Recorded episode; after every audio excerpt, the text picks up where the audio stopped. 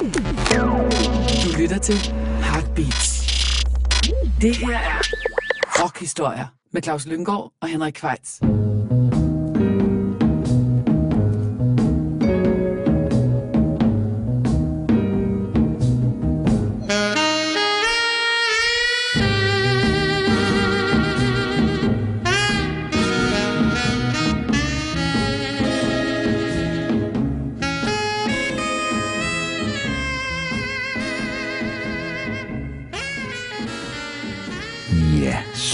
Det sørme blevet tid til endnu en gang rockhistorier, og dine værter er som altid Claus Lønkro og undertegnet Henrik Kvejts. Og det er den næstsidste, inden vi går på sommerferie. Ja. Og øh, efter sommerferien, så lægger vi faktisk ud med at tage på landevejen. Ja. Rockhistorier kommer ud og øh, spiller live, kan man vel godt sige. Eller Ja, fald ja, snakker ja. live Ja. og spiller nogle plader for jer. Og det gør vi den 18. august i Aalborg, den 18. september i København, den 24. september i Odense og den 3. oktober i Smilesby, Aarhus. Og der er link til, hvor man kan købe billetter inde på både den øh, Facebook-side, der hedder Rockhistorier, og så selvfølgelig inde i vores lytteklub. Og lytteklubben, det er jo den, man får adgang til, hvis man støtter vores lille podcast, så vi kan fortsætte med at lave nogle flere. Og det er der heldigvis en del, der gør, men vi kunne godt bruge lidt flere penge i kassen. Det skal ikke være nogen hemmelighed. Nej. Så øh, hvis man har lyst og råd og synes, det er værd at støtte, så kan man gå ind på heartbeats.dk og søge på rockhistorier. Så kommer vi frem, og så er der en rød knap, man trykker på, og så bliver man lidt venlig igennem. Og øh, ja, det er meget nemt alt sammen. Så øh, det var det. Men nu skal vi over til det, det egentlig handler om, nemlig musikken, Claus. Og Ja. vi skal i dag beskæftige os med en af vores ungdoms helt store helte. Øh, og det har han vist været for rigtig mange unge mennesker. Øh, han er sådan en, man, man helst skal støde på i puberteten. Og det er selvfølgelig Jim Morrison. Og jeg vil egentlig gerne tilegne denne podcast til min gamle ven Mille, som lige er gået bort, og som også var kæmpe Jim Morrison-fan. Det synes jeg er helt i orden, Henrik. Jeg har været hans minde. Øh, ja, vi skal snakke om Jim Morrison og The Doors. Og øh, det er ikke nogen, jeg skal ikke være nogen hemmelighed, at da jeg var sådan 12-13 år gammel, der var dog ligesom det store dyr i åbenbaring for mig. Jeg var fuldstændig tosset med det her orkester. Og øh, det var meget rart, at man går tilbage til noget, som man var vild med, når man var så ung, og så i den rimelig relativt fremskridende alder, jeg har nu, stadigvæk synes, det holder. Ja, jeg har det på fuldstændig samme måde. Jeg bliver også ramt af morrison basillen da jeg var ung, og det var jo også dengang, man købte myten. Det gør man måske ikke Ej. i så høj grad i dag, fordi det var ikke nogen særlig køn historie. Han brændte sig selv ud på fire og et halvt år kun, men efterlod sig et veje male, og uanset hvad man mener om myten, han var jo sådan det kvintessentielle rock-ikon, kan vi godt ja. sige, øh, med læderbukser og langt hår og udskejelser og hvad dertil hører, øh, så holder musikken og teksterne også, synes jeg, Claus, i den grad i dag. Altså, jeg synes jo godt, man kan påstå, øh, og det er jo ikke noget, man kan om ret mange øh, rockkunstnere, at Jim Morrison faktisk var digter. Han var en god digter. Jeg ved ikke, Han måske... udgav jo også et par øh, regulære digtsamlinger. Det gjorde han, ja. Og lige her for nylig er hele hans collected writings kommet i en super flot bog, hvor der følger en CD med, hvor hele den der optagelse, som der blev plukket ud til øh, An American Prayer, som vi vender tilbage til lige om lidt, hele den optagelse findes, alt hvor han læser alle de digte op, han havde lyst til den aften der, øh, i et studie, hvor han øh, jo ligesom før tog til Paris. Men det når vi alle sammen til. Ja. Og værket er ikke stort, og det er til med ovenikøbet ujævnt, men det bedste af det, det er stadig noget af det stærkeste rockmusik, der nogensinde er fanget på sort vinyl. Altså niveauet er så højt, så at når han lige så en gang imellem slår en skæv, og der er måske et enkelt album, som man ikke behøver at have, men selvfølgelig har man det. Ja. Øh, men øh, ellers så er det faktisk næsten værd at lytte til det hele, synes jeg. Og øh, jeg vil godt lige fortælle lidt om hans baggrund. Hans, øh, han var det, der hedder en Navy Brat. Det vil sige, at hans far var flådeofficer, han, da han møder moren, øh, hans mor Clara, der er han kun løjtnant. Men han var en mand, som kom rigtig højt til tops. Han ender som admiral. Kontraadmiral. Ja. Og han var med i, øh, altså en af arkitekterne bag slaget Tonkinbugten, som ja. var det, der satte gang i Vietnamkrigen. Så- Ja, og han var, han var ja. til stede. Han var på Pearl Harbor, da japanerne angreb, og han var det hele taget en, en stor mand inden for sit fag. Han ødelagde så sin egen karriere øh, i 67, hvor han øh, øh, bliver meget forarvet, og der er jo, øh, israelernes sønder skyder jo øh, et amerikansk slagskib og dræber 44 soldater, og de bliver så ligesom frifundet, fordi det var under den der en af de der mange krige dernede, og det udtaler han sig kritisk om, og så steg han så ikke højere graderne. Ja. Altså det, det, det gjorde man bare ikke. Og det var også, hør med historien, det var jo ikke en baggrund, som Jim eller James Douglas Morrison, som han er født, øh, var stolt af. Han, altså, dengang øh, Doors kom frem, der påstod han jo, at hans forældre var døde. Ja, han ikke havde nogen familie. Ja. Og det var ikke helt rigtigt. For udover sine forældre, så havde han faktisk også To brødre, eller to søskende. søs- nej, to søskende. En, en, en, en søster, der hed Anna, og en, en bror, der hed Andy. Men han bryder jo fuldstændig med familien øh, i... Øh, altså, sidste gang, de ser ham, det er i julen 64.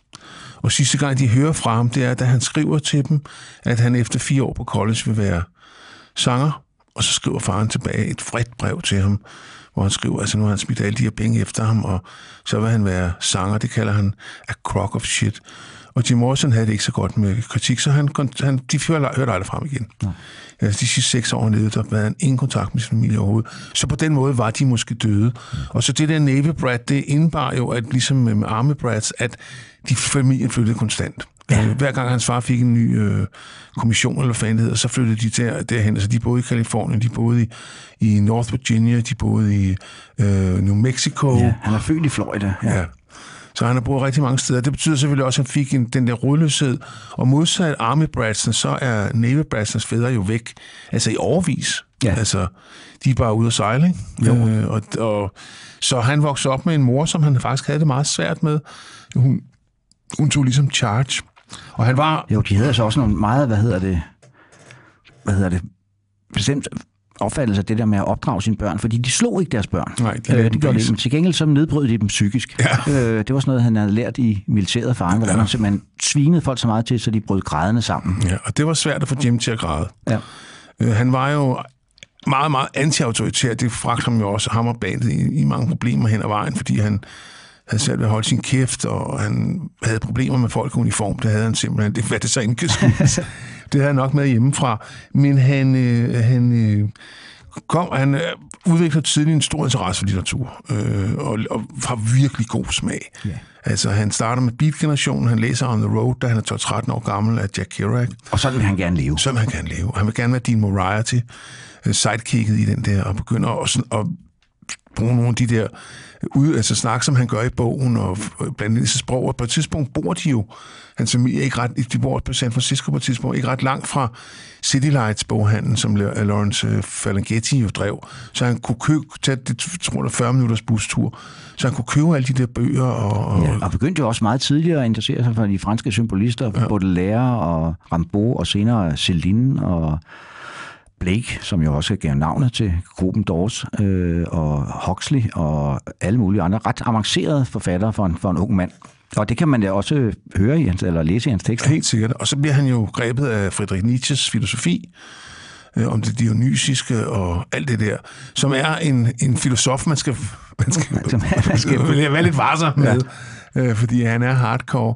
Og så opdager han så, da han kommer på college, at øh, der oplever, opdager han så øh, øh, Antonin Artaud og hans grusomhedens teater, som er noget af det, han henter med over i sin sceneshow, nemlig at konfrontere publikum med, øh, med nogle af de her... Øh, Ja, der sker også det, da han, han tager til Los Angeles, øh, som er det første sted, han føler sig rigtig hjemme, og læser øh, filmvidenskab, ja. og laver også et par, efter sine, jeg har aldrig set dem, meget, meget avantgardistiske øh, kortfilm. Jeg har set Highway. Det, er, det er en hård nyser. Det var kun 160 minutter. Det er man glad for. øh, men samtidig skriver han jo digte. Ja, og så begynder han, hvilket nok heller ikke er helt uvæsentligt, at tage LSD. Ja, en, som andre spiser. Ja, altså, han lever efter sine øh, af, hvad hedder det, LSD og dosebønder Ja. ja. i en overrække. Øh, Og tager så, han er jo buttet. Ja. Ja. Som dreng er han jo buttet. Men på grund af den her øh, dåsebønnekur, taber han sig og bliver denne her flotte fyr, som Altså, det er der nogen, der synes, øh, min kone synes, han konsekvent han ser bøvet ud. Det, så det er lidt forskelligt, hvordan, hvordan han påvirker folk. Men i samtiden bliver han jo betragtet som et sexsymbol. Og øh, Så møder han på stranden i Venice, hvor han bor. Øh, han er jo hjemløs i en lang periode. Ja. Der møder han så en, øh, en fyr, han har gået på, på filmskolen med, Ray Manzarek. Ja, ifølge my- myten, og den kan vi godt lide at bekræfte her, så møder de hinanden på stranden, og hvad hedder det, Morrison reciterer Moonlight Drive for ham, eller det, der bliver sammen med Moonlight Drive, det, øh, til digte baserer på, øh, og så finder Manzarek, der var klassisk uddannet pianist, og egentlig har en jazzbaggrund, ud af, at de skal danne rockband sammen, fordi de kan de tjene en million dollars på, mindst. Ja, og det kommer de også til. Ja. Han har på det her tidspunkt et rhythm blues band, der hedder Ricky and the Ravens, sammen med sine brødre. Og da de dropper ud, brødrene, så hyrer han så først uh, tromslæren John Densmore, som jo er jazz-tromslærer, det kan man også godt høre. Og så finder de så i deres yoga-klasse en uh, flamenco der hedder Robbie Krieger, som stort set aldrig spiller elektrisk guitar. Og det bliver så til The Doors. Men jeg vil godt lige øh, lægge ud med, før vi går ind i Doors-historien, lige holde fast i digteren, fordi posthumt kom der en plade der i i 1978, der hed An American Prayer, ja, hvor... En plade, som jeg var nærmest besat af. Jeg husker, jeg skrev en 30 sider lang stil om den i gymnasiet, hvor min øh, fik en masse ros for den af min danslærer, man sagde, han var sådan en type, der mere tørt brams, tror jeg, eller sådan et eller andet. Ikke? Øh, sådan, næste gang skulle jeg måske tænke lidt på målgruppen. Skide godt. Øh, den kommer i 78, hvor at øh, de tre overlevende Doors på daværende tidspunkt, fordi nu er der kun Robbie Krieger tilbage, men øh, øh, Densmore og Krieger og Mantarek, øh, hvad skal man sige, sætter dem i scene, de her digte, på en rigtig fin måde. Jeg blander både de der gamle, der, var, der han har optager jo de, nogle af de her digte i 1969 og 70 ja. i et studie, ja. og det er de optagelser, der ligger til grund, sammen med faktisk også gamle optagelser med Doors, ja. plus ny musik, de har indspillet til lejligheden. Øh, og det er et album, der deler vandene. Nogle synes, det er nekrofili, eller synes det dengang, så deres daværende producer Paul A. Rothschild var ude og talte meget grimt om pladen, og andre sætter den meget, meget højt. Jeg ved, vores fælles bekendte ven, Bogren Jensen, synes jo, det er den bedste dårsplade. Ja. Øh, og jeg synes også, det er en rigtig, rigtig... Jeg synes, det er meget, meget vellykket. Ja, så vi ligger ud med et kort, og det er sådan lidt øh, med tre skæringer derfra, to korte digte, og så en øh, live-version af nummer Roadhouse Blues, som dukker op på, som oprindeligt ligger på albumet Morrison Hotel, der kom i 1970, men hvor man kan høre ham foran publikum øh, på højden af karrieren. Simpelthen øh, en forrygende liveoptagelse. Og det er sådan ligesom, jeg synes, jeg er en rigtig god indgang til universet, før vi går over til den mere klassiske, kronologiske øh, fortælleform. Og der kommer så først et meget kort digt, der hedder American Night. Så kommer live-versionen af Roadhouse Blues. Og så slutter vi af med The World on Fire, som er et lidt længere digt. Det er ikke nogen særlig lange digte, men de siger også noget om hans sans for ordets vægt. Så lad os øh, komme i gang med... Øh med Jim Morrison og The Doors. All hail the American night.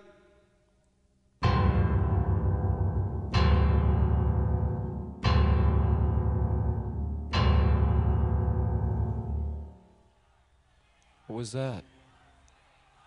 I don't know. Sounds like guns, thunder.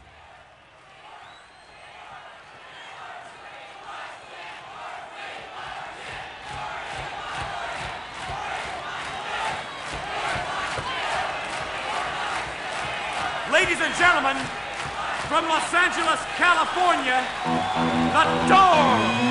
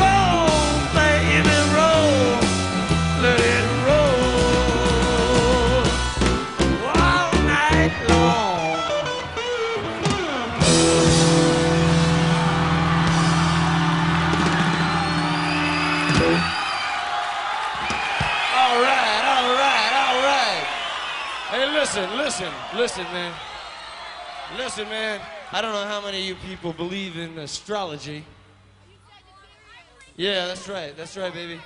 I I am a Sagittarius. The most philosophical of all the signs. But anyway, I don't believe in it. I think it's a bunch of bullshit myself. But I tell you this, man. I tell you this. I don't know what's gonna happen, man. But I want to have my kicks before the whole shithouse goes up in flames. All right. All right.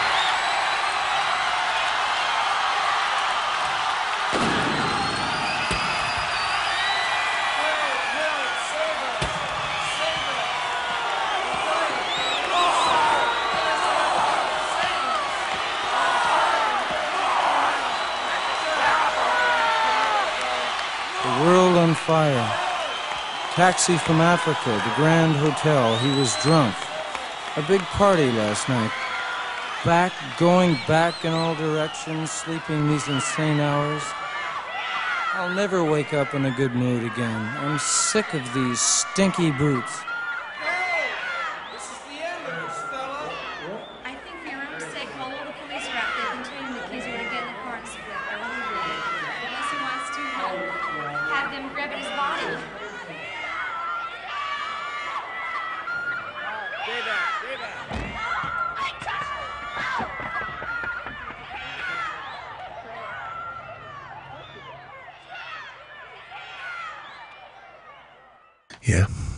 Det var Så er jo- vi ligesom i gang. Ja, I want to have my kicks before the whole shithouse goes up in flames. Ja. Men vi skal tilbage til Los Angeles, øh, hvor vi altid har fortalt om, hvordan gruppen ligesom mødte hinanden, ja. øh, rekrutterede. Så fik de en, en ret hurtig øh, nogle jobs på Sunset Strip, øh, forskellige små klubber der, øh, blandt andet øh, Whisky og Go-Go. Ja, først på The London Fog, ja. der kommer en plade for et par år siden, hvor man kan høre, hvor dårligt de var i starten. Ja. Øh, men så kommer de på Whisky og Go-Go, ja. Og så får de faktisk en pladekontrakt med Columbia, ja. øh, som de så ret hurtigt øh, får løsrevet sig fra igen, da de finder ud af, at de er på en såkaldt dumpingliste. Droplist, ja, dropliste, droplist, ja, det er rigtigt. At de skal fyres igen. Og så øh, faktisk på foranledning af Arthur Lee fra bandet Love, så øh, bliver Jack Holzman, som har pladeskabet Lektor, inviteret på Whisky og Go-Go, hvor de har en, en, en residency, som det hedder, altså hvor man spiller fast øh, Tre måneder. ja, tre måneder i træk. Øh, og han bliver meget begejstret. Ikke så, første ikke, gang. Ikke første gang. Han kommer et par gange og ender Fjerde så, gang. Ja, Fjerde gang. Og så han må alligevel have fornemmet, der der, var et noget, eller andet. ikke? og ender med at skrive kontrakt øh, med dem. Han er jo ligesom ved at transformere pladselskabet Elektra, som oprindeligt var et folkselskab, til at, at hvad hedder det, omfavne tidens nye strømninger, ikke Netop- mindst hippie-rocken. Ja. Men, det er faktisk Love, der han bliver hans første. ja. Og altså lige kommer nok til at fortryde, at han øh, fik øh, Doors ind i folden, fordi da de så først kommer ind, så får de simpelthen al opmærksomheden fra Holtzmann og Company øh, og promotionbudget og så videre, og Loft bliver stærkt nedprioriteret. Ja, men altså man kan sige, at til forskel fra, fra Arthur Lee og Love, som jo ikke vil turnere udenfor, Kalifornien, så arbejdede Doors jo virkelig, virkelig hårdt. Det, hvis man ser, hvor mange jobs det band spillede i sin, i sin levetid, så må man sige, okay. De arbejdede for sagen. De arbejdede for sagen. Og så var de jo også så heldige, at de, de, for det første får de en helt rigtig producer, selvom han er en perf- perfektionistisk røvhul, der går dem alle sammen på nerverne. De får en super sympatisk øh, tekniker, der hedder Bruce Botnick. Ja, produceren hedder Paul E. Rothschild. Ja, Paul E. Rothschild, som faktisk skabt sit navn som producer for øh, Paul Butterfield Blues Band. Og så øh, får de, øh, kommer de på et selskab, som simpelthen øh, støtter dem, på den, altså nurser dem på en måde, som når man har en så uforudsigelig frontfigur som Jim Morrison, så var der ikke mange pladselskaber, der havde stået øh, hvad hedder det, øh, model til hans opførsel, fordi han var som Dr. Jekyll Mr. Hyde, sød og rar og intelligent og betænksom, når han var ædru, og alt det modsatte, når han havde fået... Noget at drikke, og det havde han meget ofte. Ja, det eskalerede jo efterhånden, som han, ja. han, han er, altså, det der syre LSD, han begyndte at tage mindre og mindre, det er fordi, at der er simpelthen grænser for, hvor meget LSD man kan tage. Og så er meget, Selv Jim Morrison, ja. ja. Og så er det meget tit, at det er folk, der har haft sådan en meget voldsom forbrug af LSD, meget tit indrøget på junk eller på flasken for en eller anden årsag. Øh, Men nu foregriber vi begivenhedernes øh, gang, fordi at de indspiller så øh, deres debutalbum øh, for 10.000 dollar. Ja.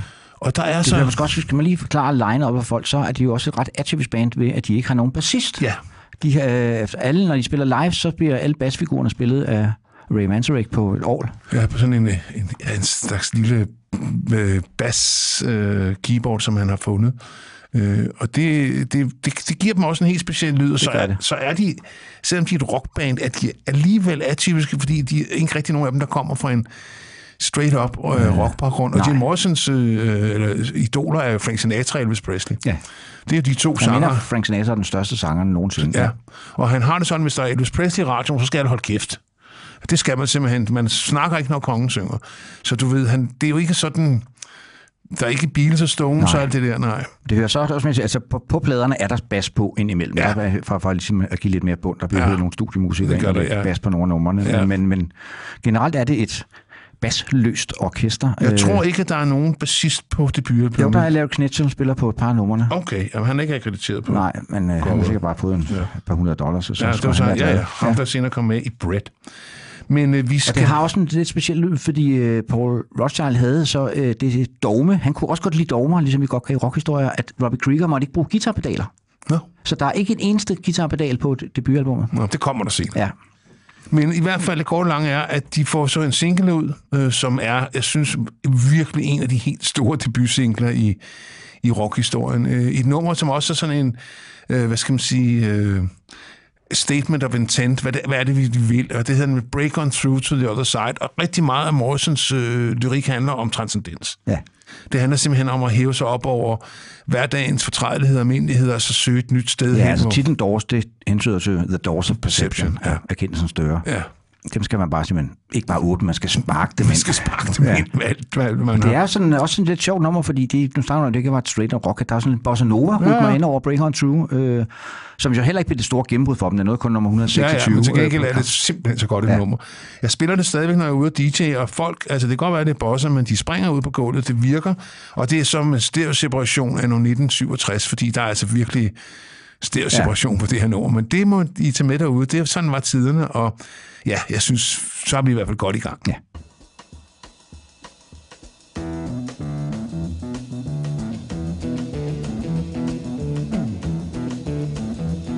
You know the day destroys the night, night divides the day. Try to run,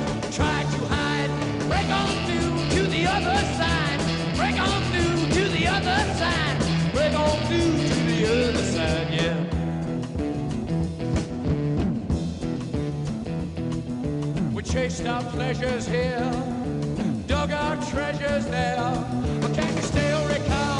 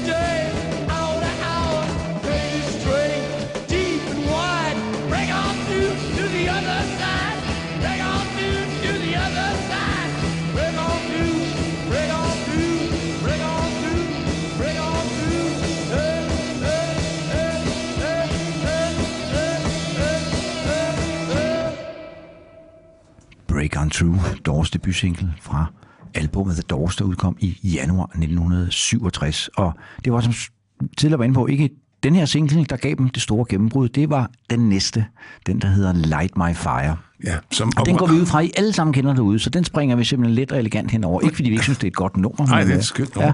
Men det hører med til historien, at på albumet var det faktisk uh, Light My Fire over 6 minutter. Men der lavede Paul Rothschild eller Bruce Botnick lige sådan en fix lille klip, hvor alle de soloerne blev klippet væk. Så havde man lige sådan en rask single på under 3 minutter. Og så blev det så et stort hit, og det var også masser af ballade. De skulle spille det på på et Sullivan show, og der måtte han ikke synge Girl, I Wanna Take You Higher, og der var. Ja, og det gjorde han jo så. Ja, han lovede ikke at gøre det, og, Og så men det var jo live show, så gjorde han det alligevel. Og så ja. sagde Sullivan, you'll never play et Sullivan show igen. Det tror jeg så ikke rigtig, de kom til. Nej. Men det tror jeg også, de var pisse ligeglade med. Øh, Men det, der var, det som øh, mange, der så og oplevede Doors, øh, da de var nye og unge og friske, det var bandets evne til at improvisere på scenen. Ikke kun musikalsk, men også Morrisons evne til at improvisere med tekster.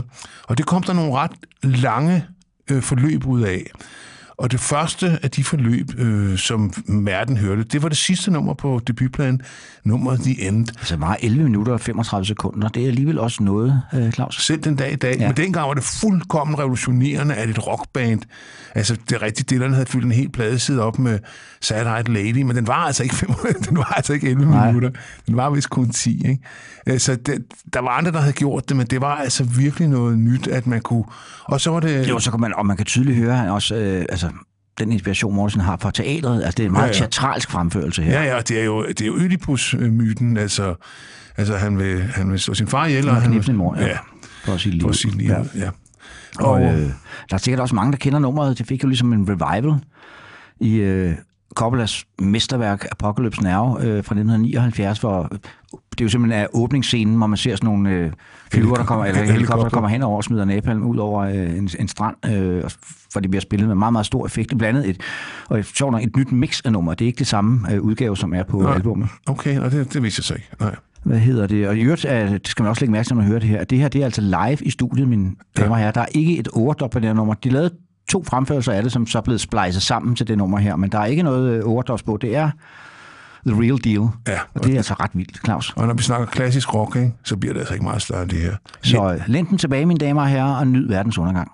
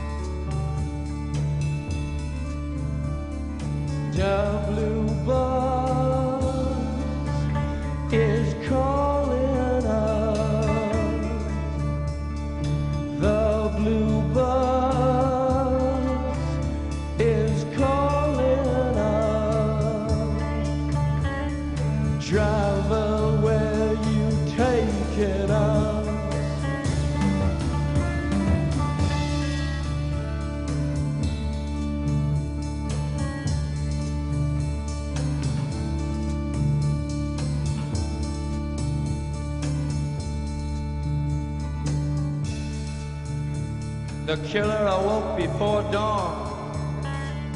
He put his boots on. He took a face from the ancient gallery and he walked on down the hall.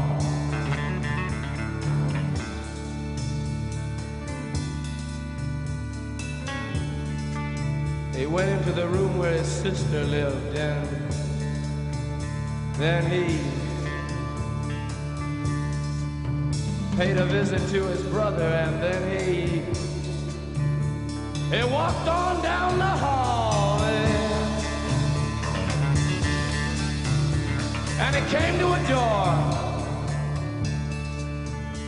And he looked inside.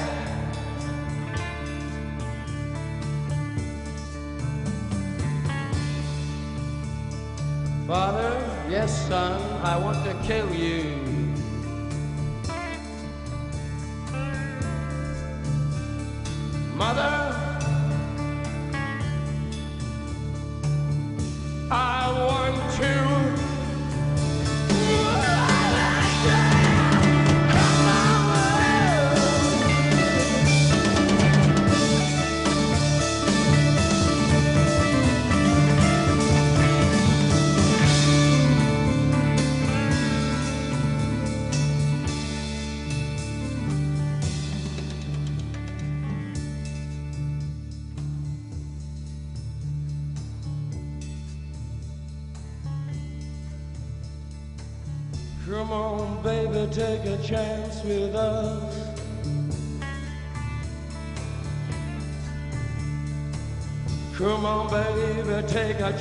With us.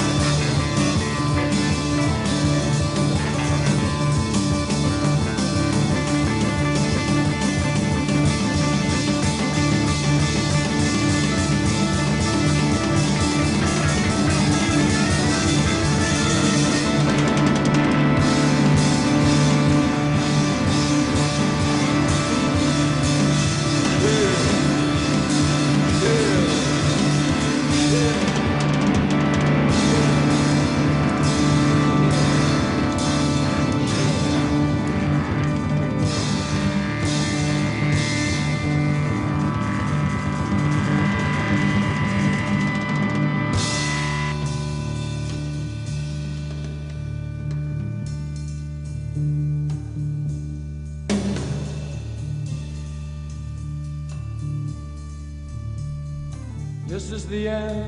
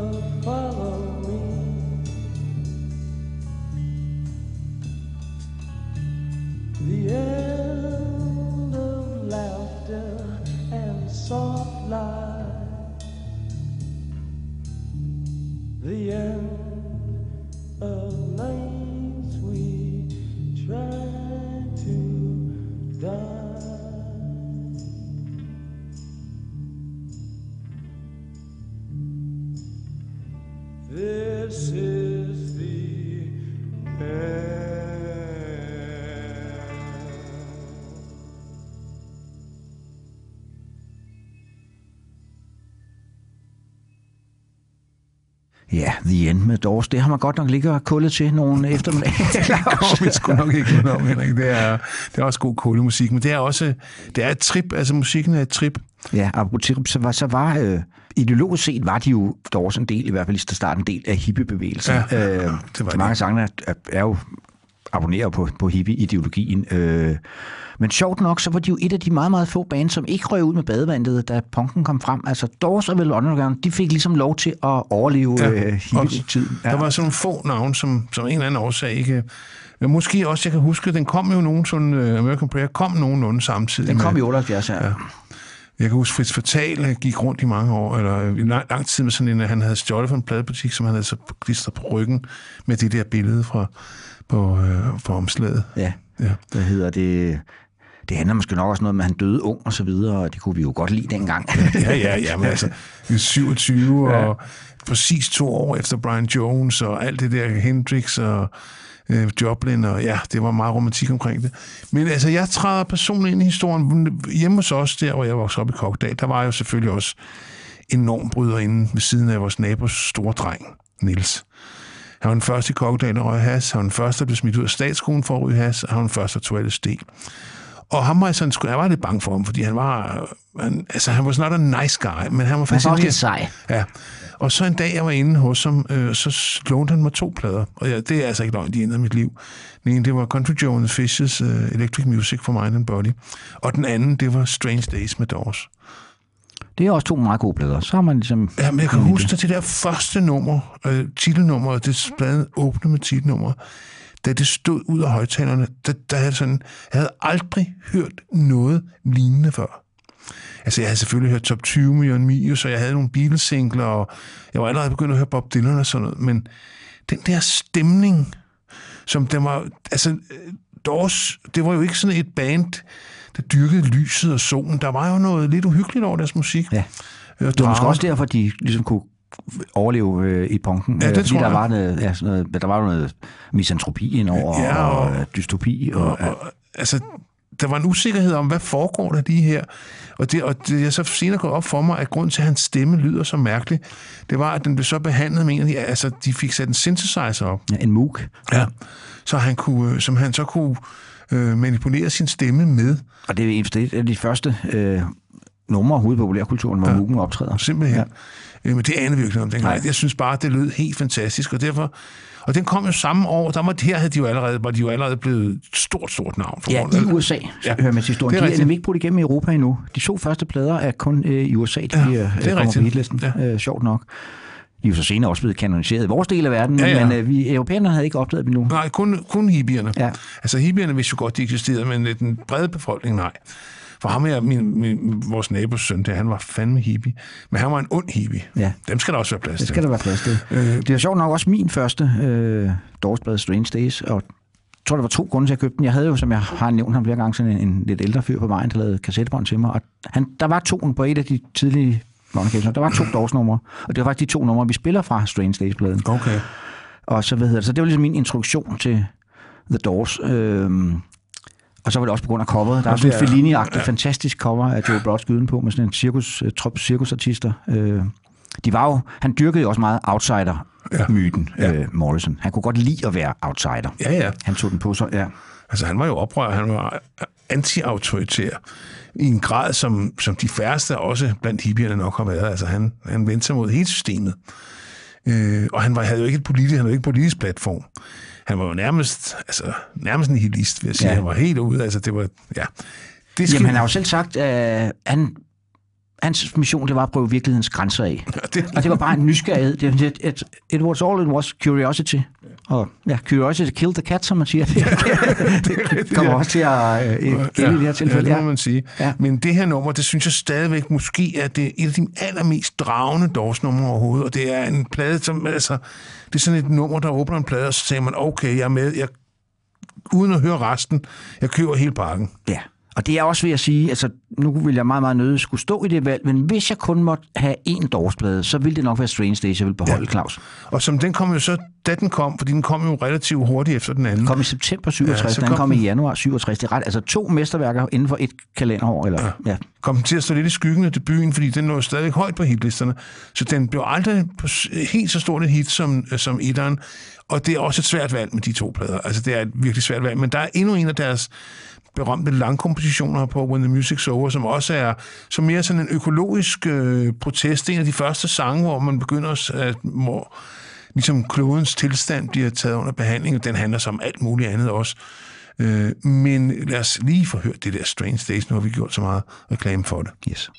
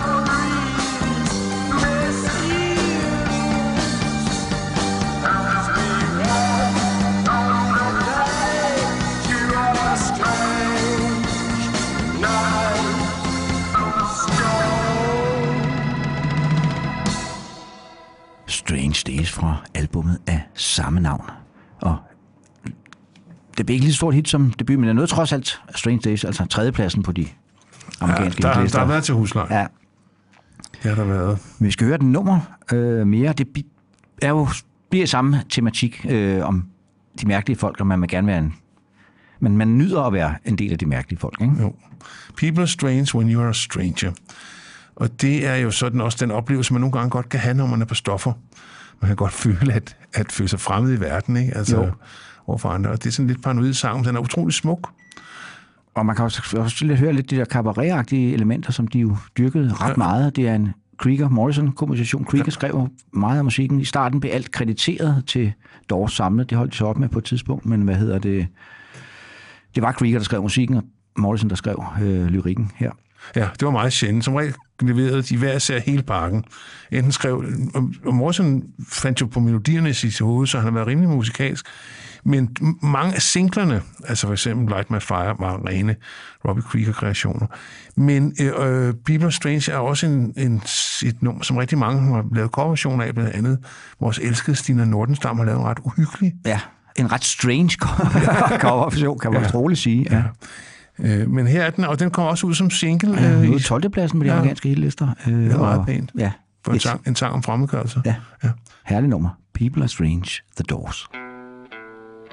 People are strange when you're a stranger. Faces look ugly when you're alone. Women seem wicked when you're unwanted. Streets are uneven when you're down. When you're strange, faces come out of the rain. When you're strange, no one remembers your name. When you're strange, when you're strange, when you're strange. People are strange when you're a stranger. Faces look ugly when you're alone. Women seem wicked when you're unwanted. Streets are uneven when you're down.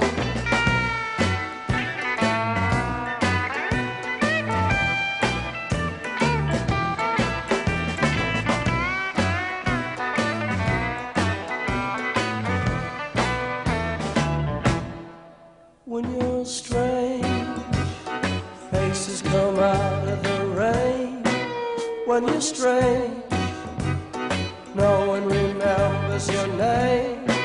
When you're strange, when you're strange, when you're strange.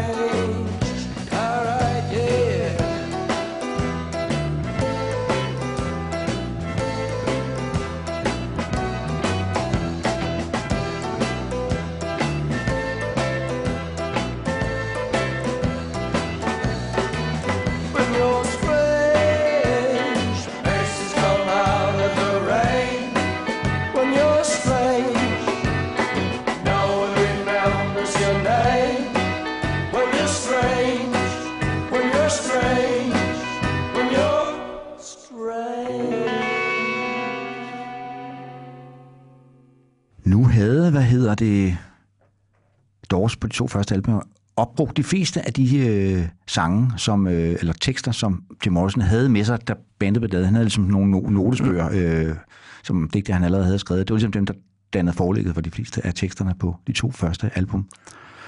Så øh, de havde egentlig en plan om at føde hele side 2 på deres tredje album, det der kom til at hedde Waiting for the Sun, der kom i juli 1968, ud med en, en lang øh, sådan Suite. suite uh, Celebration of the Lizard, hed det. Øh, og de kom der også så langt, så teksten til hele Celebration så lidt betrygt ind i coveret, men Ja. nummeret kom aldrig med på pladen. De kunne ikke få det til at hænge sammen, Nej. Fordi det var ikke et organisk nummer, ligesom The End When the Music Over. Det var forskellige stumper, der skulle på en eller anden måde passe sammen. De kunne ikke få det til at spille, og den, man kan høre det. Det kom, øh, altså det, som de nåede frem til, kom for et par år siden på det album, der hedder Legends, tror jeg.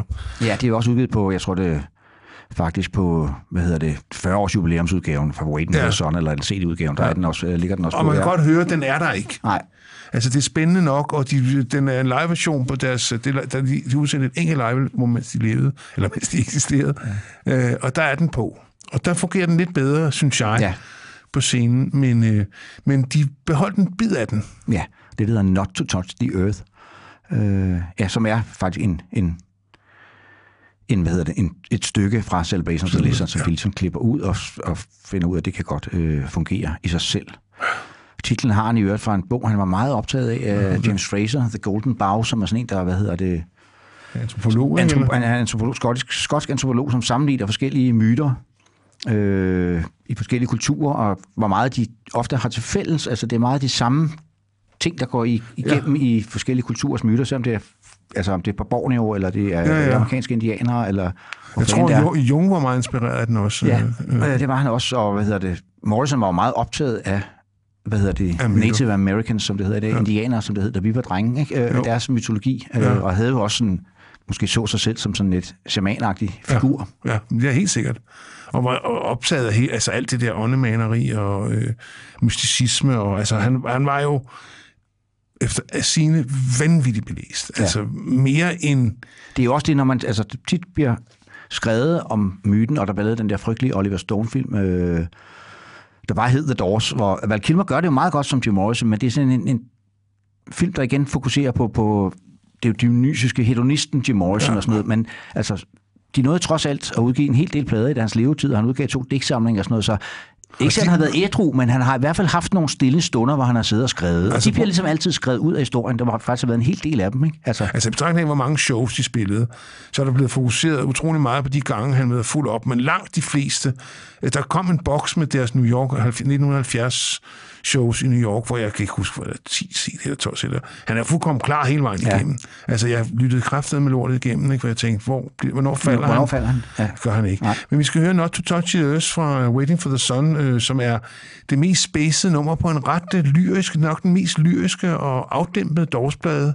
Ja, og som jo sjovt nok som sagt hedder Waiting for the Sun, men der er nummeret Waiting for the Sun kommer, dukker så først op på en senere plade. Ja. Øh, Det er sådan noget, sådan noget kan vi meget godt lide. ja.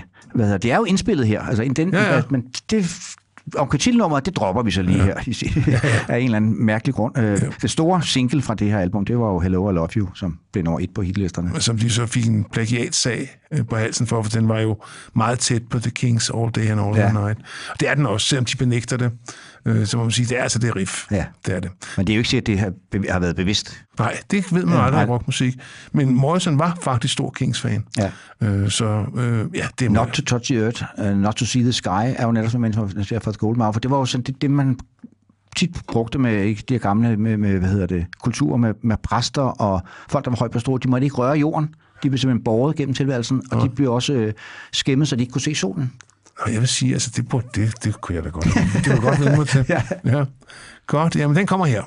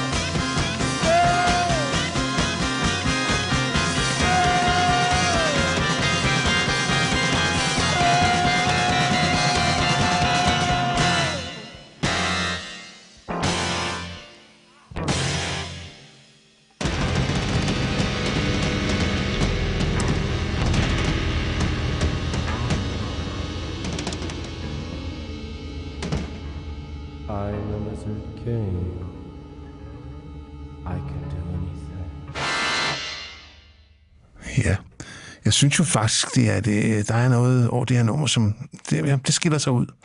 Øh, som vi snakker om, hvordan er det her en meget lyrisk plade. Men der er så to af de mest politiske sange i Dors-kataloget, hvor de ligesom tager stilling. Der er sådan en helt klar hyldest til ungdomsoprøret, der hedder 5 to 1. Og det der 5 to 1, det betyder, der er fem unge for hver voksen. Ja.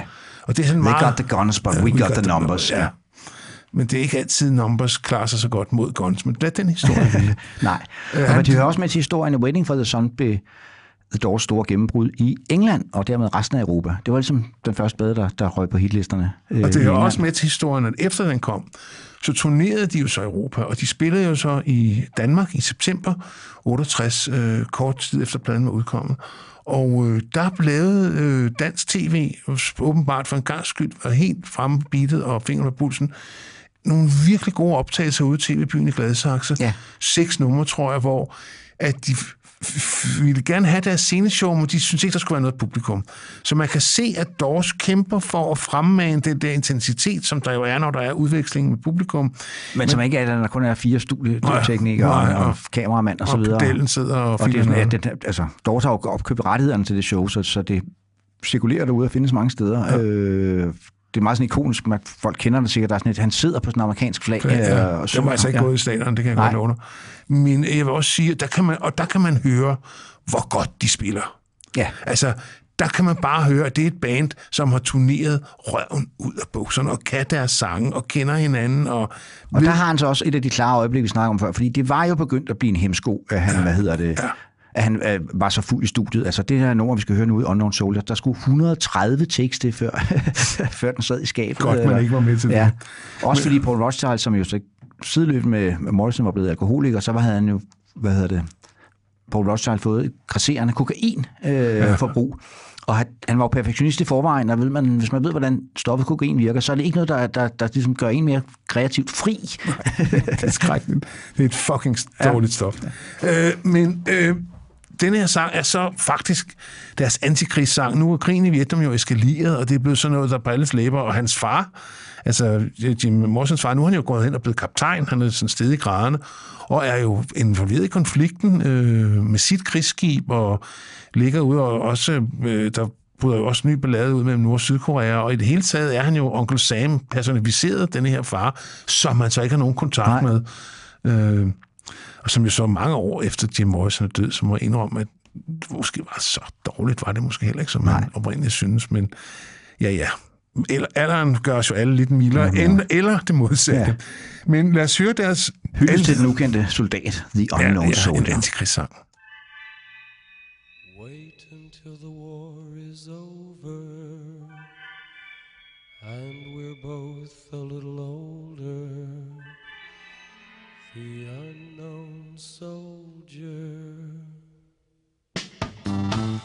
Breakfast where the news is read, television, children fed,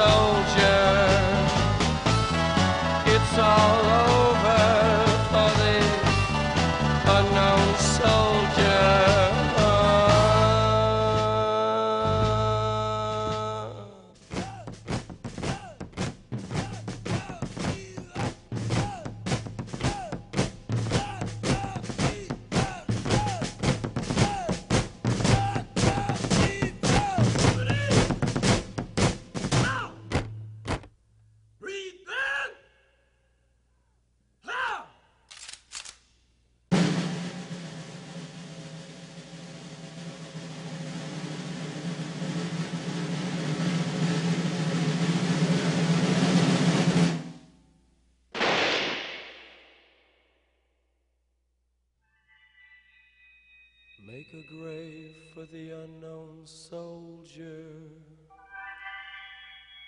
nestled in your hollow shoulder. The unknown soldier.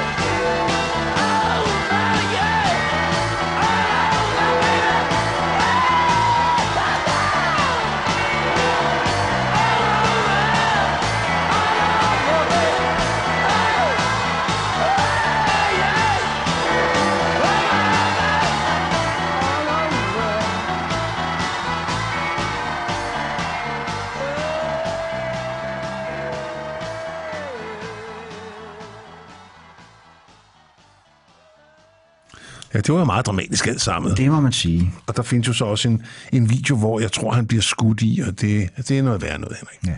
Krig er noget værd noget. Det er Rockhistorier mod krig, så ved jeg Ja, det. skal vi godt. Skal vi godt komme, komme ud af skabet og erklære os som pacifister, i Ja, hvert fald ja. fra visse områder. Ja.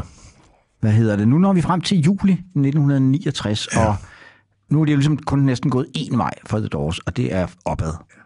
Nu laver de deres nok svageste album, eller ikke nok, deres svageste Ja, album. altså, det, det, der kan slet ikke, det kan slet ikke komme på tale, fordi at det, altså, min ven Bruno og jeg, vi var, det var vores fælles projekt, det var The Doors. Og vi skiftes til at købe pladen, og det var så blevet Brunos tur, og jeg var faktisk ret ked af, at han skulle, have den, han skulle købe den, ikke? Men altså, så satte så vi hjem på hans værelse og satte den på, og så kom det der første nummer, Tell All the People.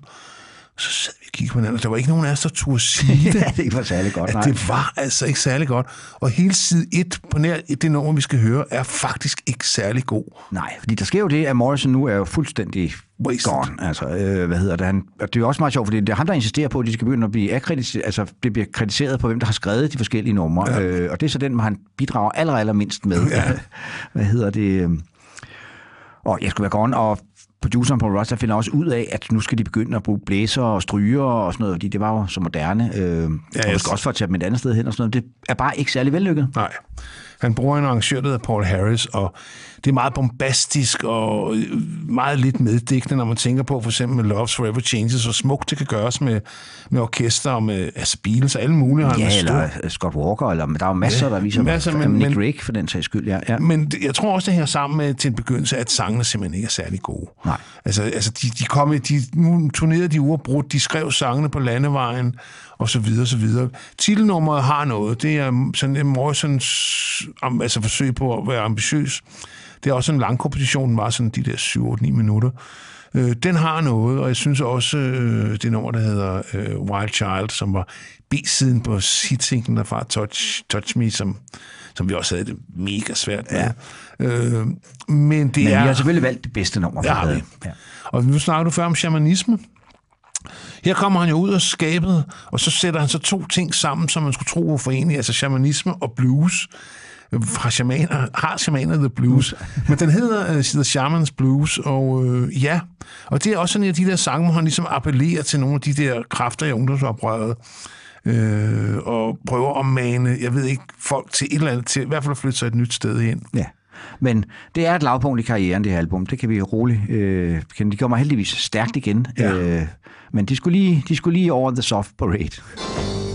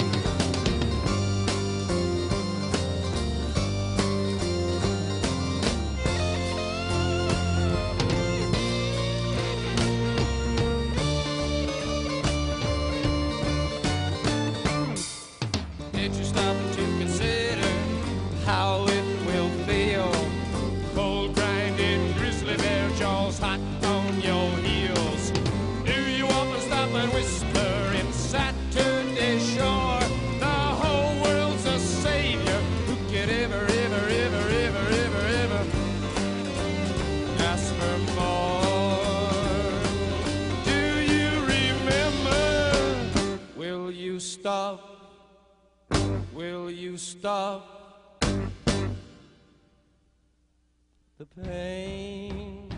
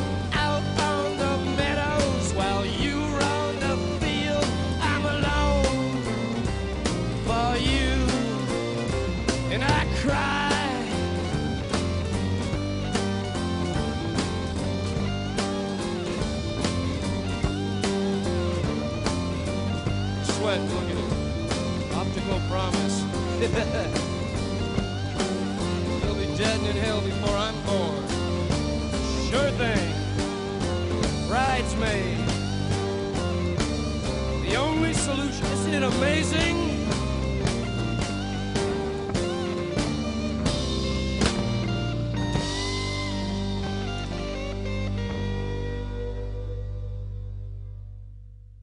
Shamans Blues fra albumet The Soft Parade, som hvis man skal springe et Doors-album over, så skal det være dette. Ja. Øh, altså, det er jo altså, så rart at have stående, men det er eddermame sjældent, det rammer pladetallerkenen, må jeg sige. Altså, jeg genhørte det for den her, tænkte, det skulle være, at man tog fejl øh, nogle gange. Så tager man jo fejl. Ja, ja. Det må man, jeg er blevet gammel nok til at indrømme. Ja, ja, Øh, det er hvad også. hedder- ja, hvad hedder det? Men øh, jeg tror ikke, jeg har hørt det i 15 år eller et eller andet, men øh, nej, det er Nej. stadig ikke særlig godt. Det er ikke særlig Sorry godt. to say. Og en af, en af grundene til måske, det ikke er særlig godt, at Morrison, udover at enhver, øh, der har med haft med alkoholikere at gøre, ved, når det eskalerer sig, er det rigtig grimt. Men en af grundene til, at han måske ikke var så fokuseret, det var, at han var faktisk kommet i rigtige problemer. I de gruppen spillede i Florida øh, den 1. marts, hvor han også var godt 1969, ja. ja, øh, godt stand og stiv. Og der øh, provokerede han øh, ikke bare, han prøvede jo ligesom at få publikum op af sæderne, og provokerede han, der var altid betjente til stede af Dorses koncerter. Ja. Og så mm, siger han på et tidspunkt, do you want to see my cock? Og så er så spørgsmålet, havde han den fremme, eller havde den ikke fremme? Og det er der altså ikke rigtig nogen. Der er ikke nogen billeder af det. Der er heller ikke rigtig nogen, der måske lynede han ned. Men det medførte altså, at han blev arresteret, og så, så, så bandede, altså han bandede og svoglede som en tyrk. Så det, det er noget med nogle love, der er i Florida, men man må ikke bande i offentligheden, eller jeg ved ikke. Men altså, han bandede... Det var jo, altså, som han selv ser på det, og som man også meget kan lægge det ind i, det var, det var myndighedernes hvad hedder det, indgang til at få ramt på ham. Ja, det gjorde de også. Ja. Ja. Fordi at så kom der en retssag, og den varede faktisk helt frem til september 1970. Altså det, var, det kørte i halvandet år. Og den fucking retssag, fucking fucking retssag, var skyld i, at koncerten i Kåbehallen den 2. september 1970 blev aflyst, hvor jeg havde billetter til anden række. Det er du stadig bitter over, kanskje. Ja, det er, altså ved man siger, er der nogen bands, du er bitter over? Du kan sige, ja, jeg er fandme bitter over, jeg er ikke så dårs. Ja. Det er jo det er, som hvis man lige havde en tidsmaskine. Altså, jeg var jo kun, hvad hedder det, otte år, da han døde, så det var nok ikke været aktuelt på noget tidspunkt alligevel faktisk hedder Doors. Men hvis jeg havde en tidsmaskine, så var det et af de bands, jeg aller, aller helst ville se. Og så vil jeg så også sige, at når du hører optagelserne fra de der, der er rigtig mange koncertoptagelser fra 1970, de spillede fandme godt det år. Nå, men det korte lange er, at nu havde de ligesom fået både myndighederne, undergrunden, rockpressen og alle på nær tinibobberne på nakken, så nu må de ligesom tænke, okay, vi må hellere vende skuden. Ja, og det hører også med til historien, at Morrison var jo selv blevet træt af sin rolle som sexsymbol, ja. så han, det er jo ikke kun fordi, han er alkoholiker, og han bliver lidt større, men han, han lægger også bevidst stilen om, han dropper de der ikoniske læderbukser, han får så et fuldskæg og så videre, fordi nu vil han ligesom gerne ses som en seriøs kunstner. Ja. Og det er svært, når man, altså når, du, man kunne høre på den der optagelse af Roadhouse Blues, hvordan pigerne jo... Var ret vilde med ham, ja. ja, ja, det var de. Øh, Men så laver de album med Morrison Hotel, hvor han simpelthen bliver tvunget at pladselskabet til at barbere sig, da de skal tage øh, forsidebilledet Ja. på et hotel, der hedder Morrison Hotel, som reelt eksisterede. Og det er en plade, hvor man, jeg vil ikke sige, at de vender tilbage til rødderne, for det gør de ikke, fordi de bevæger sig snarere i retning mod bluesen. Ja, som jo altid, altid har ligget som et element i deres musik, Ja. ikke? men nu bliver den fremhævet. Ja. Han var jo kæmpestor blues aficionado, Jim Morrison. Ja. Men sjovt nok er et af de største øjeblikke på pladen en leftover fra Waiting for the Sun. Ja, faktisk titelnummeret, ja. Som man, når man hører det, siger, hvorfor kom det ikke med, i stedet for, ja, hvad ved jeg, My Wild Love, eller... En, altså, der er så mange ballader på den plade. Det er en skøn plade, Waiting for the Sun. Jeg elsker den meget. Ja, ja. Som jo også sjovt at dele, dele op ligesom i to øh, Ja. halvdele. Den ene hedder Hard Rock Café, og den anden hedder Morrison Hotel. Sjovt Ja. ja. Hvis man er interesseret sig for vinyl, fordi ja. Når du hører den på CD, er det lige meget. Men vi har valgt det øh, i første omgang at lægge ud med Waiting for the Sun, fordi der er virkelig knald på og power og dynamik, og det er, efter min mening, en af de store Doors-sange, det er det bare. ja. Og Morrison Hotel, altså albumet, udkom i februar 1970 og nåede en fjerdeplads på de amerikanske hitlister.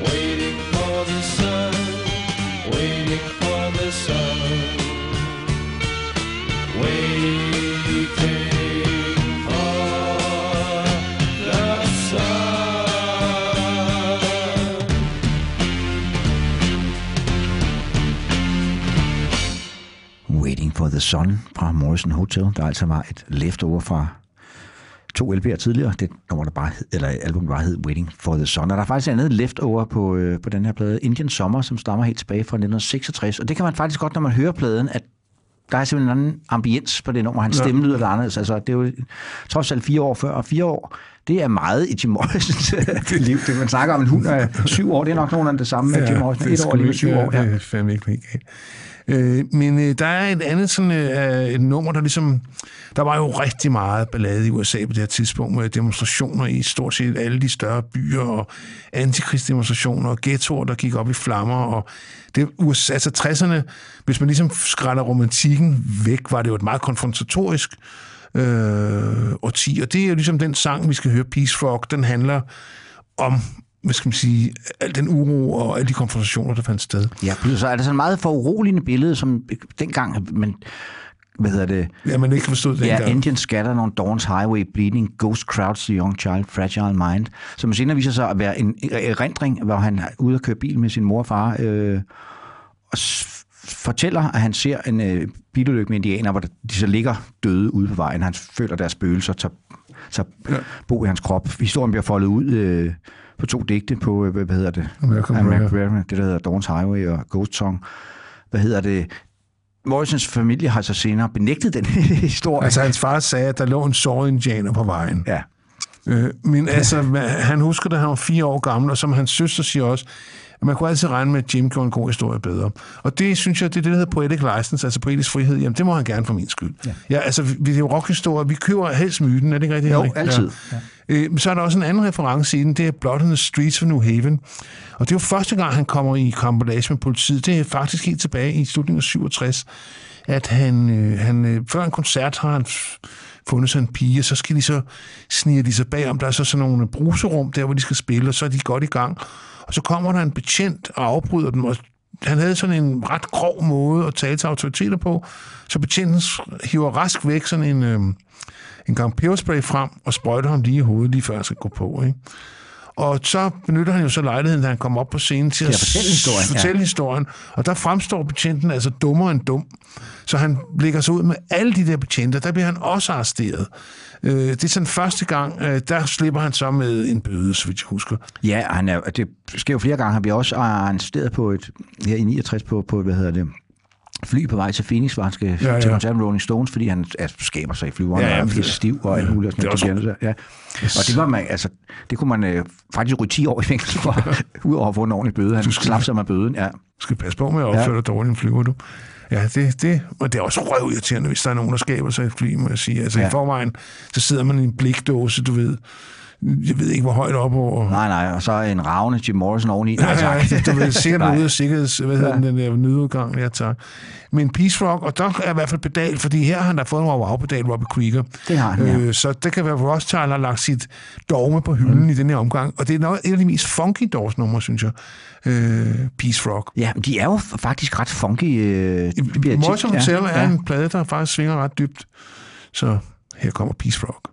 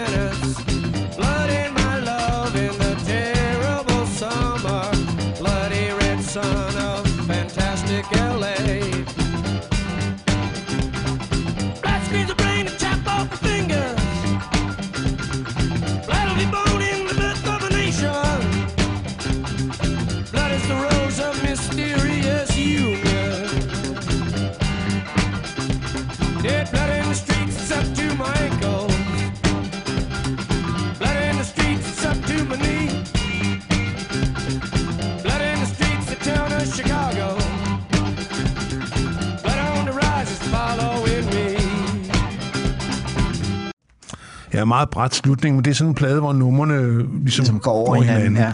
Så det kan man ikke undgå. Ja, det er jo, som du siger, to, to suiter, ikke? Vi var inde på før, Ja. Hard Rock Café og Morrison Hotel, øh, som var en pladeside hver dengang. Ja. Der var pladesider til. Ja, dengang. Det var tider, det, godt, det var ja. tider, ja. Øh, men øh, nu begyndte pladeselskabet ligesom at, at, at synes, at Morrison øh, var lidt for sløv til at levere øh, varen. Ja, der skulle helst komme to plader om året. Sådan var det jo dengang. Ja. Så de tænkte, jamen vi har jo optaget en masse af deres koncerter, så hvorfor laver vi ikke, og det var meget populært dengang, en dobbelt live LP. ja. Absolut Live hedder den, og det er faktisk en ret god live, Ja. ja. synes jeg. Øh, Altså, Den, den, den har, jeg synes, synes ikke, jeg i hvert fald dengang, der er Ja. ja. så kommet måske bedre liveoptagelser sidenhen, men det var en af de første årsplader, jeg købte, fordi den ja. var på tilbud op i Hørsum Hovedgade, Ja, hvor, det- jeg kunne, hvor jeg, altså, man kunne få en dobbelt LP for det samme, som en almindelig LP kostede. Det var altså, mere var jo altid bedre. jamen jeg er enig, jamen altså, Så den Kvantit- købte jeg, og så var der et super fedt billede af Jim Morrison udenpå. som han var pisse fornærmet Ja, fordi det er jo, det er jo et tidligere billede. Han Ja. havde ligesom lagt det der sex image øh, væk, og det var klart, det, de havde, det var lederdrengen, øh, de havde puttet på forsiden, Ja. han var jo ligesom ved at... Altså, ville jo forlade Elektra på grund af, af det cover der, fordi de havde ikke spurgt ham inden og så videre. Mm. Men øh, han- skyldte dem jo en plade mere. Ja, det gjorde han. kommer han så også til at lave. Ja. Og, og som du siger, altså, alt altså jeg tror måske, fordi at vi aldrig fik dem at se, altså de, selvom de var der i 68, der, der var jeg, det var helt umuligt, for der var jeg 12 år gammel, så jeg kunne ikke se dem der. Men vi havde aldrig set dem, så vi havde nok forventet et større sus af pladen. Og jeg, der kom jo så som CD senere, der hedder en In Concert, hvor den ligesom er dobbelt så lang, og der, den, der fungerer den næsten bedre. Og så havde vi da også sådan lidt, der er et nummer, Ray Manzarek sang, og der havde vi sådan, what? ja, hvad skal han synge for? hvad fanden handler det om, ikke? Men som vi nævnte tidligere i programmet, man kan få hele Celebration of the Lizard, øh, og den fungerer faktisk fint Den fungerer live. rigtig fint, ja. Og så er der, vi spiller ekstra nummer, som var et af de allerbedste numre på debutpladen, Soul, Soul Kitchen. Kitchen. som vi spillede helt tilbage, da vi spillede Deep Cuts fra 1967, helt tilbage ja, i, i podcastens barndom. Nå. Så vi har valgt live-versionen, og der er også god ambience, og så kan man så høre, hvor, hvor tighte orkestret er. Ja, og så er det jo et ret profant nummer, Soul Kitchen, fordi det er simpelthen et hyldest til øh, en restaurant, der hedder Olivias Soul Food, hvor Jim Morrison hang rigtig, rigtig meget ud. Så meget, at han øh, blev simpelthen smidt ud øh, tit ved, ved lukketid, ikke? og det er derfor, han søger, han egentlig gerne vil blive der og sove. Øh, let me sleep all night in your Soul Kitchen. Øh, Soul Food er jo afroamerikanerne ja. fra sydstaterne, deres køkken. om han kunne få en steak for en dollar og 25 cent. Ja. Så det var jo godt, da han var ung og fattig. Ikke? Han kunne godt lide steaks. Vagn Lundby fortalte, at øh, øh, den afdøde danske forfatter mø, var, fulgte rundt med Morrison, da han var i København i 68. Og han sagde, at de var så på en restaurant, og dengang havde vi jo ingen steakkultur i Danmark. Så han bestilte en steak Morrison, og så fik han altså et eller andet. Gennem stikstykker. som ja. han tog den, og så tog han op på gaflen, og så smed han den tværs igennem restauranten og sagde, "Ej, that is not a steak. Og det slap han også afsted med. Ja. Så Vagn var lidt farvet. Øh, men alligevel så er han også lidt imponeret. Men nu skal vi høre om Soul Kitchen, hvor de altså efter sine virkelig kunne servere steaks fra livealbummet Absolutely Live, som kom i juli 1970.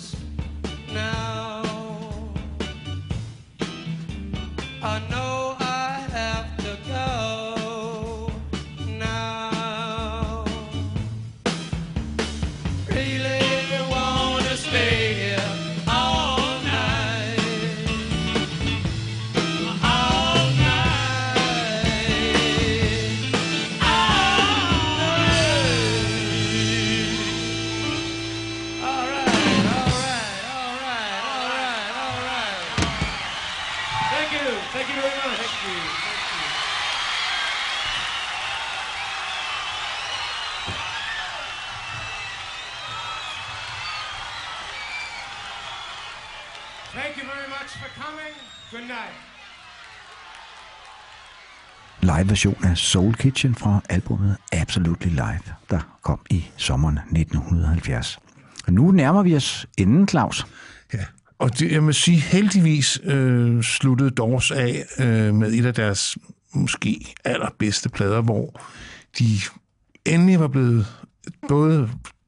De var trætte af Paul Rothchild, og han var bestemt også træt af dem. Han var rigtig træt af dem. Både, altså han var især træt af Morrison, øh, og så skulle han efter sine også have været meget, meget påvirket af Dennis Joplins død. Hun er lige død på det tidspunkt. Han er, det er jo ham, der producerer The Pearl, hendes, den plade, der kommer på stuen med hende. Øh, og som en lille apokryf historie her, kan vi godt fortælle, at Dennis Joplin, hun omtalte jo aldrig Jim Morrison som andet end that asshole. Ja.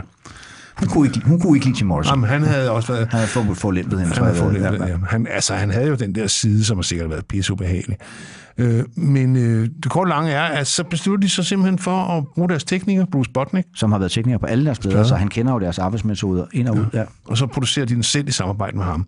Og det kommer der en ret anderledes Doors-plade ud af, for så er den meget bluset. Ja. Og så er den meget lidt, øh, altså den er, ikke, den er meget lidt produceret, sammenlignet med Rust, vi hørte i Waiting for the Sun for eksempel, som jo er et, en kæmpe produktion. Ikke? Ja, altså det er på meget mange måder en back to basics-plade. Ja.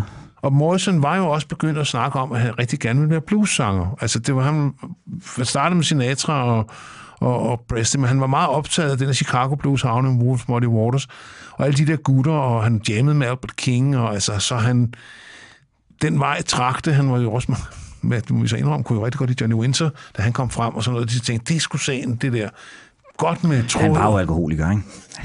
Og det går jo ud af hjernen. Ja.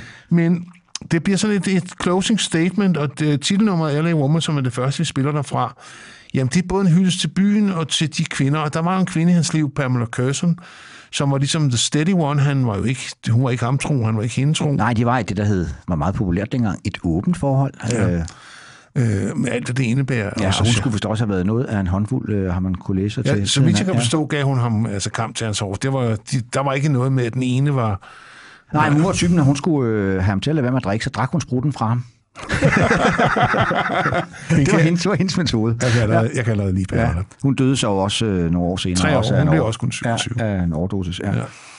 Og det er jo hende, der finder, finder ham død i Ja. ja. badeværelset i Paris. Men nu foregriber vi begivenhedernes men gang. jeg tror ikke, det kommer som en chok for lytterne, at Nej. han døde. Men øh, lad os høre L.A. Woman, som jo er en super flot... Øh, øh, Ja, og teksten er meget inspireret af, af, af en roman, som var meget populær i tiden, John Rishis City of Night, som handler om... Øh, som ja, faktisk også ja, som handler om trækkerdrenge. Ja. Den har jeg læst, ja. øh, den har jeg også lidt, fordi jeg har læst, at eller andet sted, Jim Ja. Morrison var inspireret af jeg har læst rigtig mange ting på grund af Jim Morrison, ja. Det kan jeg godt love det. Selv The Golden Bough har jeg læst. Den har jeg, jeg har den har faktisk stadig stående. Ja, det har jeg også. Jeg har så ikke læst den fra ende til anden, det må jeg indrømme. Jeg har læst i den. Jamen, jeg, ah, I hear you, brother. Ja. I hear you. Men her kommer L.A. Woman fra 1971.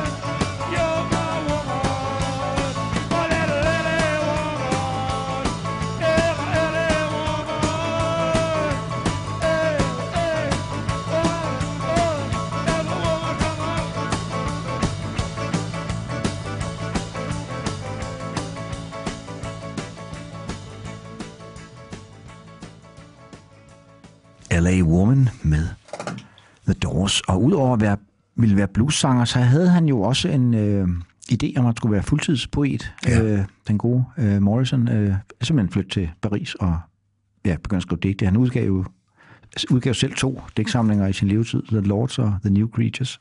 som sådan, øh, is, øh, hvad hedder det, som i dag er næsten uopdrivelige i deres original. Der er som sagt så kommet hans Collected Writings her for nylig, en utrolig flot øh, bog med... Ja, de er faktisk også kommet. Bo Gren har faktisk lavet nogle glimrende danske oversættelser. Det har han virkelig, ja. Altså, Det digte er generelt svære at oversætte, men øh, ja. han er jo selv digter, så han, han har ligesom flere for det. det. Det fungerer faktisk ret godt, synes jeg. Og så tror jeg, han føler sig fuldstændig på bølgelængde med Morrison. Ja. Altså, øh, Bo ved sgu godt, hvad han snakker om. Ja.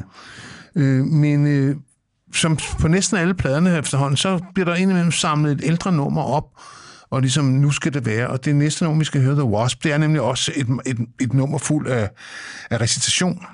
Ja, det er jo faktisk bygget op om to recitationer, så man så har skruet op i dobbelt hastighed for at få det sådan li- lidt mere til at lyde som sang. Ja. ja. Og øh, det, altså, vi nævnte før det der program, der blev optaget ud i TV-byen i 68. Allerede dengang var det her nummer på repertoireet. Det er på den optagelse derudfra.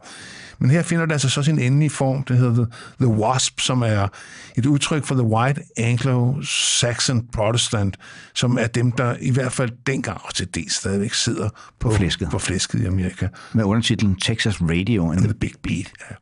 Og det er, det er en af de allermest myndige, der er han meget myndig. Jeg kan rigtig godt lide, der er en utrolig myndighed over hans, øh, hans vokalpræstation her, og bandet er virkelig bag ham, man kan høre. Det er et nummer, de, de kan ud og ind, det, Det her. kan de. Og han altså, er jo stadig en meget ung mand på det her tidspunkt. Han er kun 27, men han lyder ikke som en ung mand længere. Han lyder som en gammel mand, faktisk. Det begynder han at gøre, ja. Ja.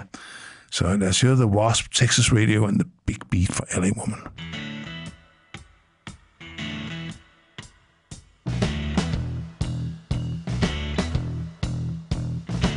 I want to tell you about Texas radio and the big beat.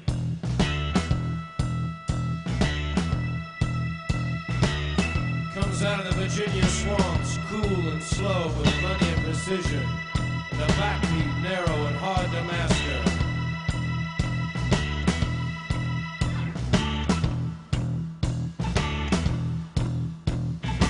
Some call it heavenly in its brilliance, others mean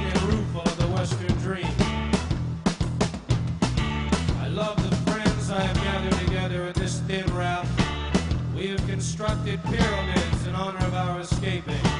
This is the land where the Pharaoh died.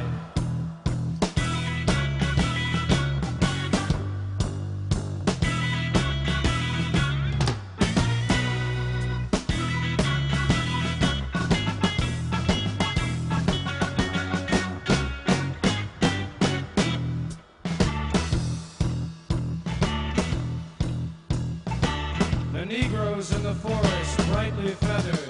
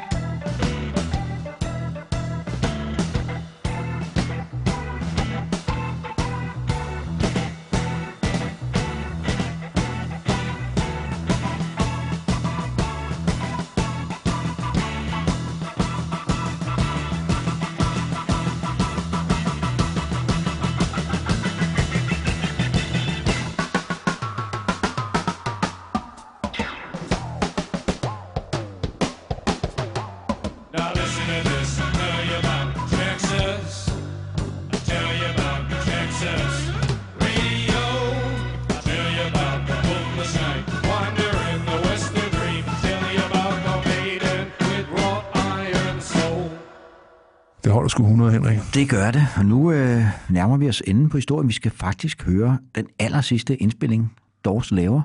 Øh, og det må man sige at være gå ud med maner. Det er nemlig nummeret Riders on the Storm, som er et af de store Dors-numre i min bog Jamen, i hvert er, fald. der er vi oppe i top 10 her, ja. hvis ikke top 5 her. Og det hører med, du nævnte jo tidligere, at han var kæmpestor Elvis-fan, øh, Jim Morrison. Det er jo Elvis Presleys bassist, Jerry Shaft, som spiller bas på det her nummer. Så det, Det har været en stor ting, for det kan være, det er derfor Morrison har taget sig sammen. Ja. Ja, det kan godt være. Og øh, så må man sige, at, at, at materialet var jo også det er en underskøn sang. Det var en af grundene til, at de blev uvenner med Rothschild, fordi han sagde, det er jo cabaret-rock, det der, sagde han surt. ja, det påstår han så ikke for det her nummer, han sagde det om. Ja, Øh, men det er der altså fire ja. andre, der mener, Ja. det var så... beviser stilling står svagt til for ja, Rothschild. Ja. Nej, ikke cabaret. Cocktail. Cocktail, ja, rock. cocktail rock, ja, det er endnu mere nedsættende, ja. for de havde jo faktisk lavet cabaret helt tilbage Ja. ja. med, med whisky bar og de Ja. ja. der ting der. Det er Men jeg kan nu ikke høre meget cocktail over Riders on the Storm, Nej, så vil jeg i det- hvert fald gerne have nogle af de cocktails. Jamen, altså, cocktail rock, hvad fanden er det? Ja. Det ved jeg sgu ikke. Det er det, sådan det, nedsættende. Og så skal man også lægge mærke til, at der er sådan en ret speciel vokal på det her nummer, og det er jo fordi, han først synger vokalen, og så visker han teksten øh, ind over vokalen. Det giver sådan øh, Jamen, det er det er en den- helt særlig Jamen, der, ambiance. der, der, er den flyvende, øh, den flyvende fornemmelse, det er en utrolig, der er en utrolig lethed over det her nummer. Jeg var til sådan en konference i øh, Paris i 2001, hvor det var 30 år for hans død, ikke? Ja. Øh, hvor Ray Manzarek var, og så stod sådan et keyboard på scenen, altså for der Q&A, man kunne spørge om alt muligt. Så kedede han sig lidt, så spillede han lige indledningen, det der, vi hører lige om lidt. Ja. Og der gik sådan en gys gennem salen. Nej, nu spiller han, det gjorde han så ikke. Nå, jo. Han drillede bare. Ja. Men øh, det var ret fedt. Riders in the Storm. Smuk nummer.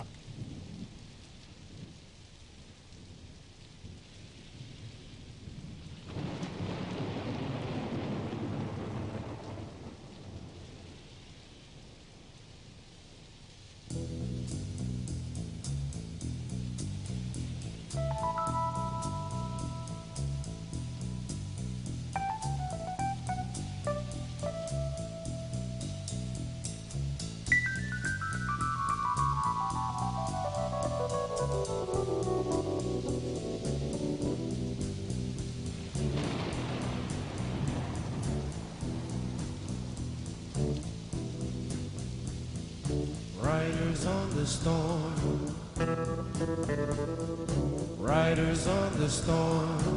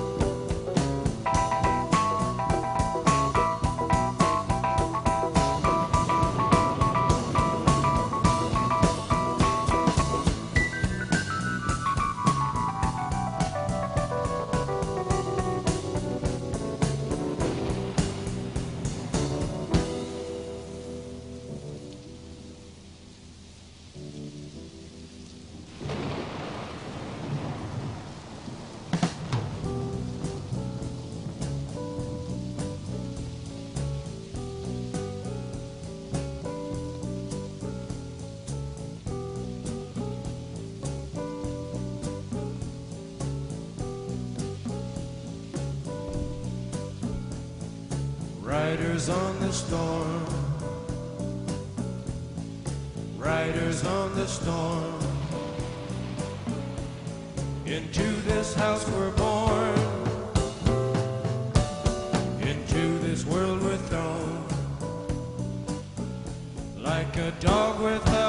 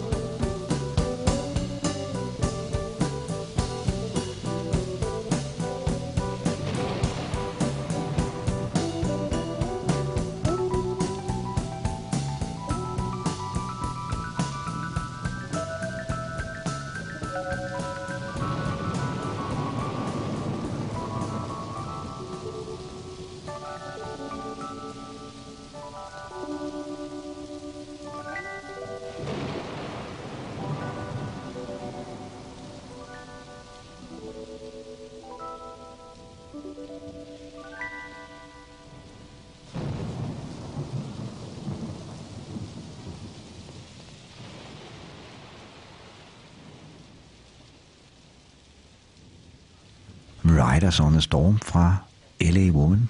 Hvad hedder? Der endte med at blive Dors sidste plade. Ja, det Øh, kom Tre ud som- måneder efter den kom, så øh, tjekker han ud på et badeværelse i Paris. Ja. Øh, og dødsårsagen er stadigvæk ikke øh, fastlagt, fordi han blev simpelthen kremeret lige med det samme, så der er ikke lavet nogen obduktion eller noget som helst. Men Altså, altså, der var en læge, altså der findes jo en, en, øh, en øh, hedder, det, dødsattest, som jeg har set igen. Altså der er- erklærer lægen, at han er død af hjerteslag, eller hjertestop, og det, som min ven Ole plejer at sige, det er det, vi alle sammen dør af. ja.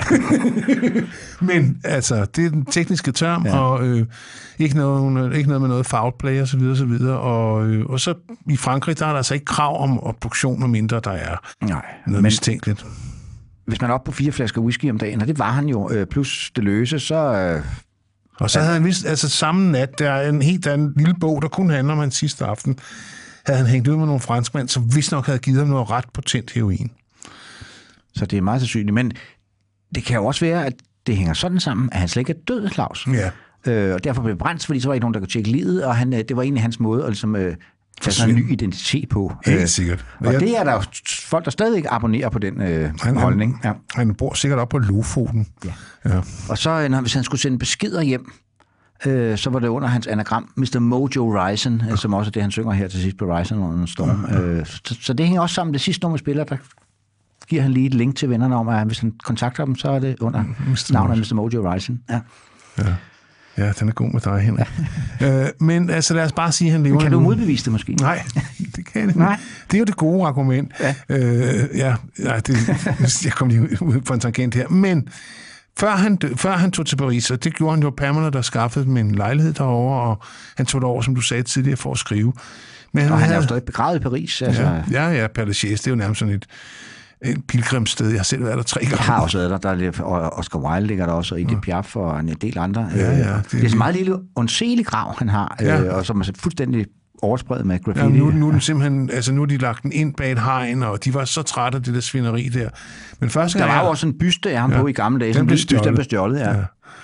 Så nu er han altså rigtig gemt. Der var der stadig graffiti derinde. Det er jo en kæmpe kirkegård. De kan jo ikke sidde og holde øje med hans grav fra morgen til aften. Nej, nej, det er jo, altså, det er jo sådan en kirkegård, der er så stor som en dansk provinsby. Ja, eller sådan ja, noget. Altså, kæmpe det er helt stort. vildt, Ja, ja. Det er sådan en, altså hvis man ser den, så er det en halvdags udflugt. Altså hvis man tager til Lachaise, så sætter man en halv dag af til det. Ja. Men det gør man jo så også. Ja, ja, det er også, det er også, også alle dem, som man... Altså, der- der er nogle gravsteder, nogle mausoleer, som man sådan, okay, de har altså nogen der, de har ikke tænkt Ja, sig, ja, at they will not go quietly. Nej, nogle af Napoleons venner sikkert, eller et eller Ja, andet, ja, det er helt vildt, ja. Men øh, han, øh, han øh, gik i studiet to gange, helt alene med sine notesbøger, hans famøse, berømte notesbøger, og indspillede en lang række af sine ja. Ja. digte. Det var det, vi startede med at fortælle om i programmet. Og sammen med vennen og produceren John Heaney i sidste gang var på den 8. december øh, 1970, var hans sidste fødselsdag. Ja, øh, 27 års fødselsdag, ja. Hvor han så faktisk ikke er alene i studiet, fordi han har faktisk taget publikum med. Han har faktisk inviteret nogle venner med, han ligesom sidder og læser Ja, op for, for ligesom Man at have kan- noget modspil. Ja. Det slutter med, altså optagelsen, fordi nu har jeg fået den der CD, fra, med, der hører med til ja. Bogen, at han har inviteret dem alle sammen ud på tacos, da han er færdig med. Let's go and get some tacos. Okay. Øh, så jo, det er meget autentisk alt sammen. Men det sidste nummer på, øh, på øh, American Prayer, det er det, der hedder øh, Feast of Friends. Friends. Ja, det er et utroligt smukt nummer, som, hvor gruppen benytter sig af Albinonis Adagio. Øh, og den, det var der, jeg opdagede den. Det, det er så også, altså, jeg er jo ikke stærk i klassisk musik. Øh, Claus, jeg mener det samme, og jeg gik faktisk ud og købte den. Ja, jeg har den stadigvæk. Jeg har den også, Deutsche ja. Grammophon og det Ja. hele.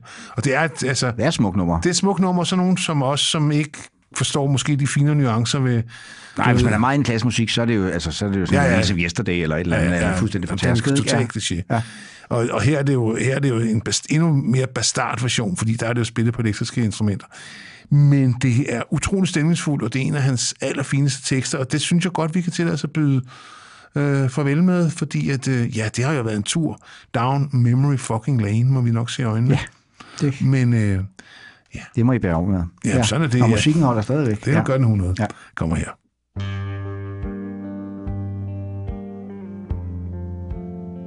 Wow, I'm sick of doubt. Live in the light of certain South cruel bindings. The servants have the power, dog men and their mean women, pulling poor blankets over our sailors. I'm sick of dour faces staring at me from the TV tower.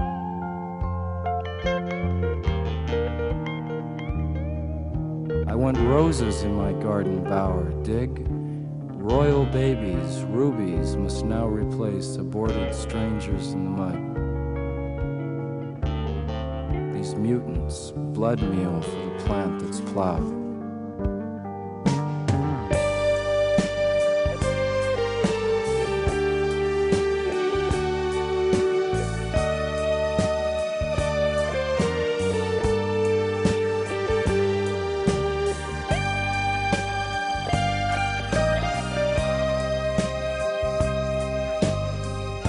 Waiting to take us into the severed garden.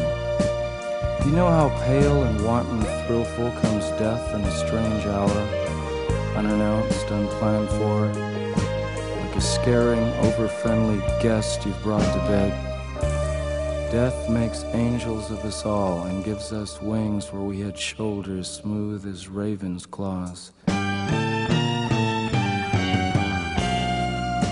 More money, no more fancy dress. This other kingdom seems by far the best until its other jaw reveals incest and loose obedience to a vegetable law. I will not go. Prefer a feast of friends to a giant